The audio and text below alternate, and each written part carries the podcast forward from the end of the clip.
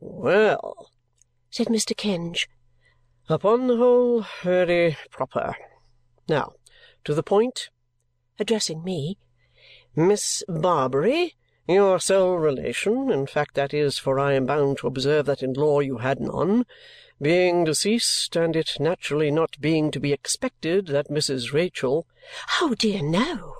said Mrs. Rachael quickly. "Quite so," assented Mr. Kenge.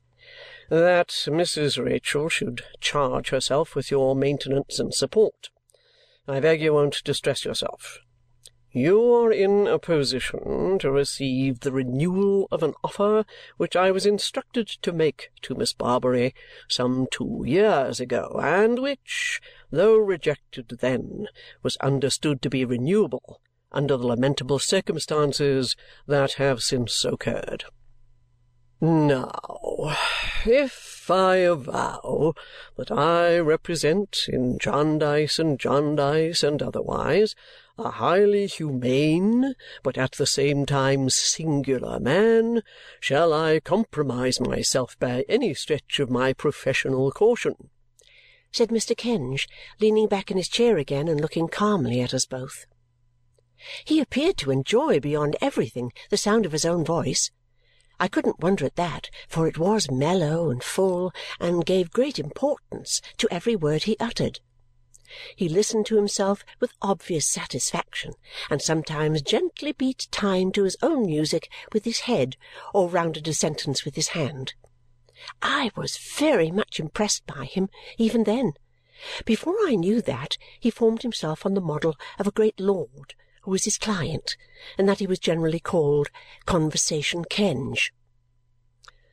"Mr. Jarndyce," he pursued, "being aware of the, I would say, desolate position of our young friend, offers to place her at a first-rate establishment, where her education shall be completed, where her comfort shall be secured, where her reasonable wants shall be anticipated, where she shall be eminently qualified to discharge her duty in that station of life unto which it has pleased, shall I say Providence, to call her." My heart was filled so full, both by what he said and by his affecting manner of saying it, that I was not able to speak, though I tried. "Mr. Jarndyce," he went on, "makes no condition beyond expressing his expectation that our young friend will not at any time remove herself from the establishment in question without his knowledge and concurrence. That she will faithfully apply herself to the acquisition of those accomplishments upon the exercise of which she will be ultimately dependent that she will tread in the paths of virtue and honour, and the a so forth."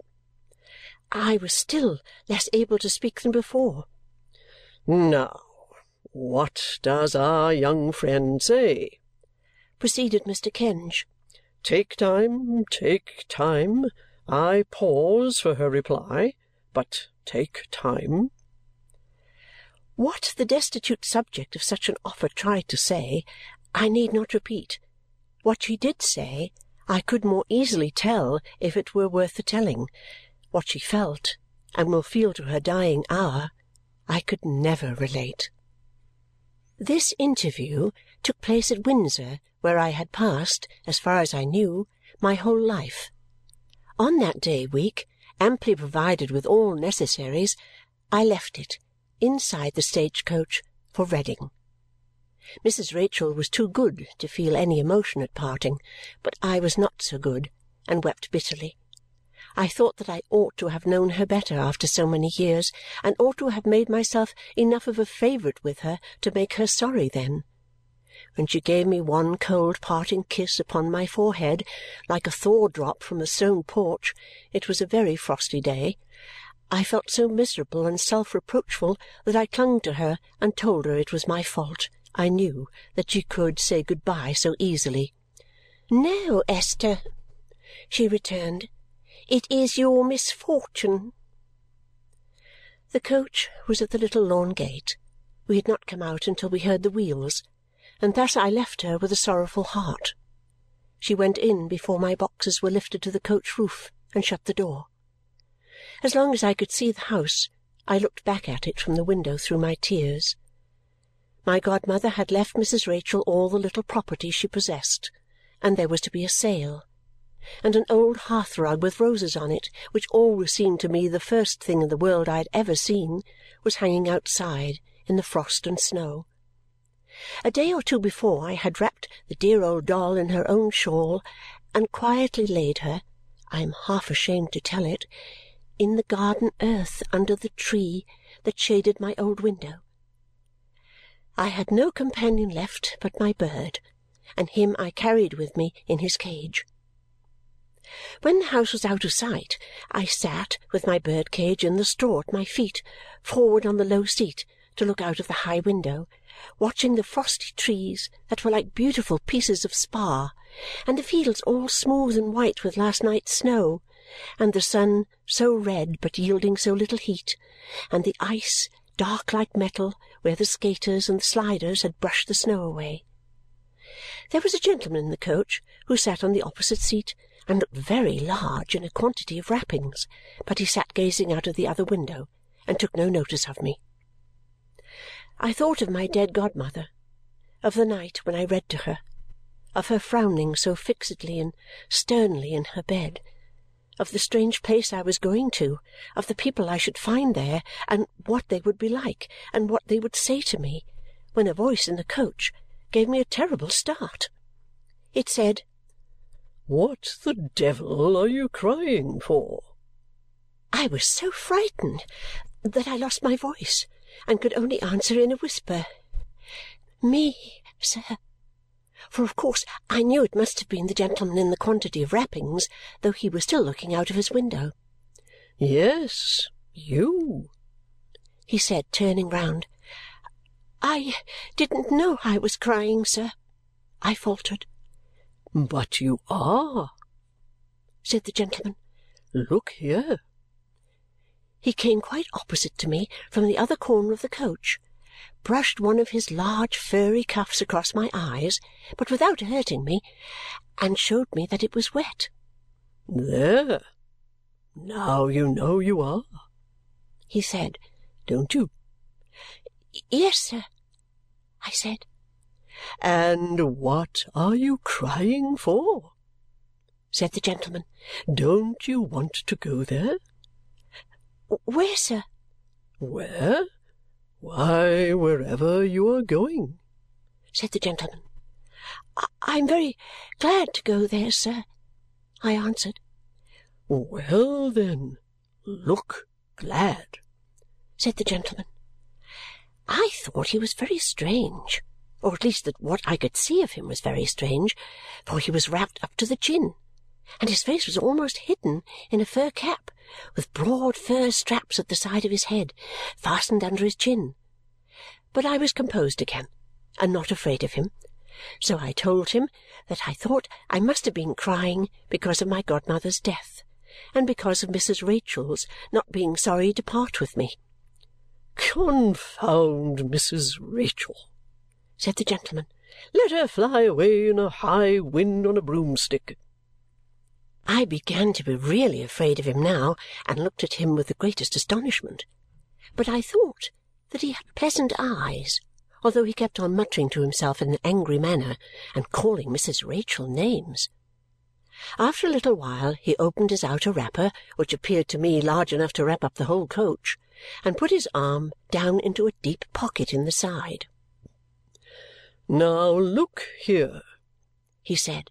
"In this paper which was nicely folded, is a piece of the best plum cake that can be got for money.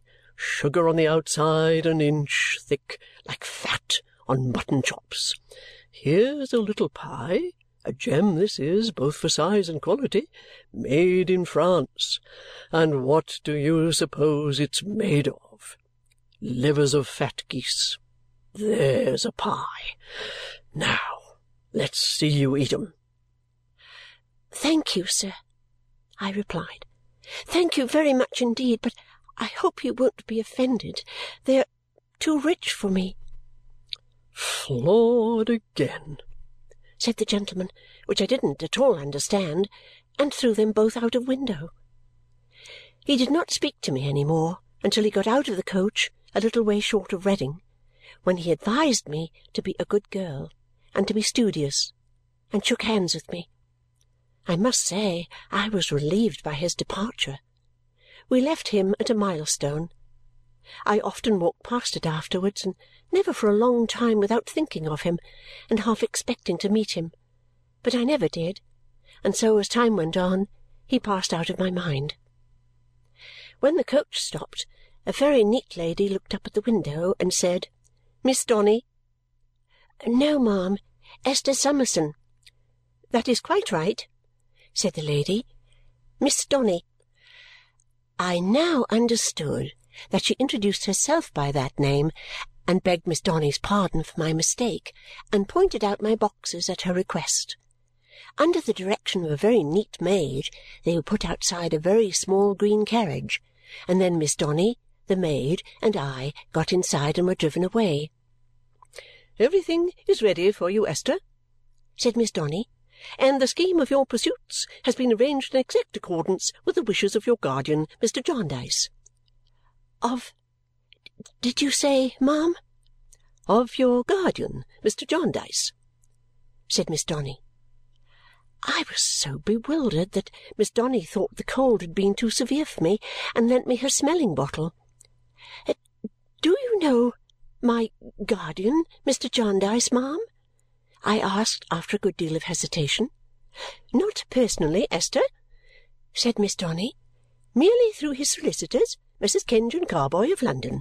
A very superior gentleman, Mr. Kenge. Truly eloquent indeed. Some of his periods quite majestic. I felt this to be very true, but was too confused to attend to it. Our speedy arrival at our destination before I had time to recover myself increased my confusion, and I never shall forget the uncertain and the unreal air of everything at Greenleaf, Miss Donny's house, that afternoon. But I soon became used to it I was so adapted to the routine of Greenleaf before long that I seemed to have been there a great while and almost to have dreamed rather than really lived my old life at my godmother's. Nothing could be more precise, exact, and orderly than Greenleaf. There was a time for everything, all round the dial of the clock, and everything was done at its appointed moment. We were twelve boarders, and there were two Miss Donnys, twins it was understood that I would have to depend by and by on my qualifications as a governess, and I was not only instructed in everything that was taught at Greenleaf, but was very soon engaged in helping to instruct others. Although I was treated in every other respect like the rest of the school, this single difference was made in my case from the first. As I began to know more I taught more, and so in course of time I had plenty to do, which I was very fond of doing because it made the dear girls fond of me. At last, whenever a new pupil came who was a little downcast and unhappy, she was so sure indeed I don't know why to make a friend of me that all newcomers were confided to my care. They said I was so gentle, but I am sure THEY were I often thought of the resolution I had made on my birthday to try to be industrious, contented, and, and true-hearted, and to do some good to some one and win some love if I could. And indeed, indeed, I felt almost ashamed to have done so little and have won so much.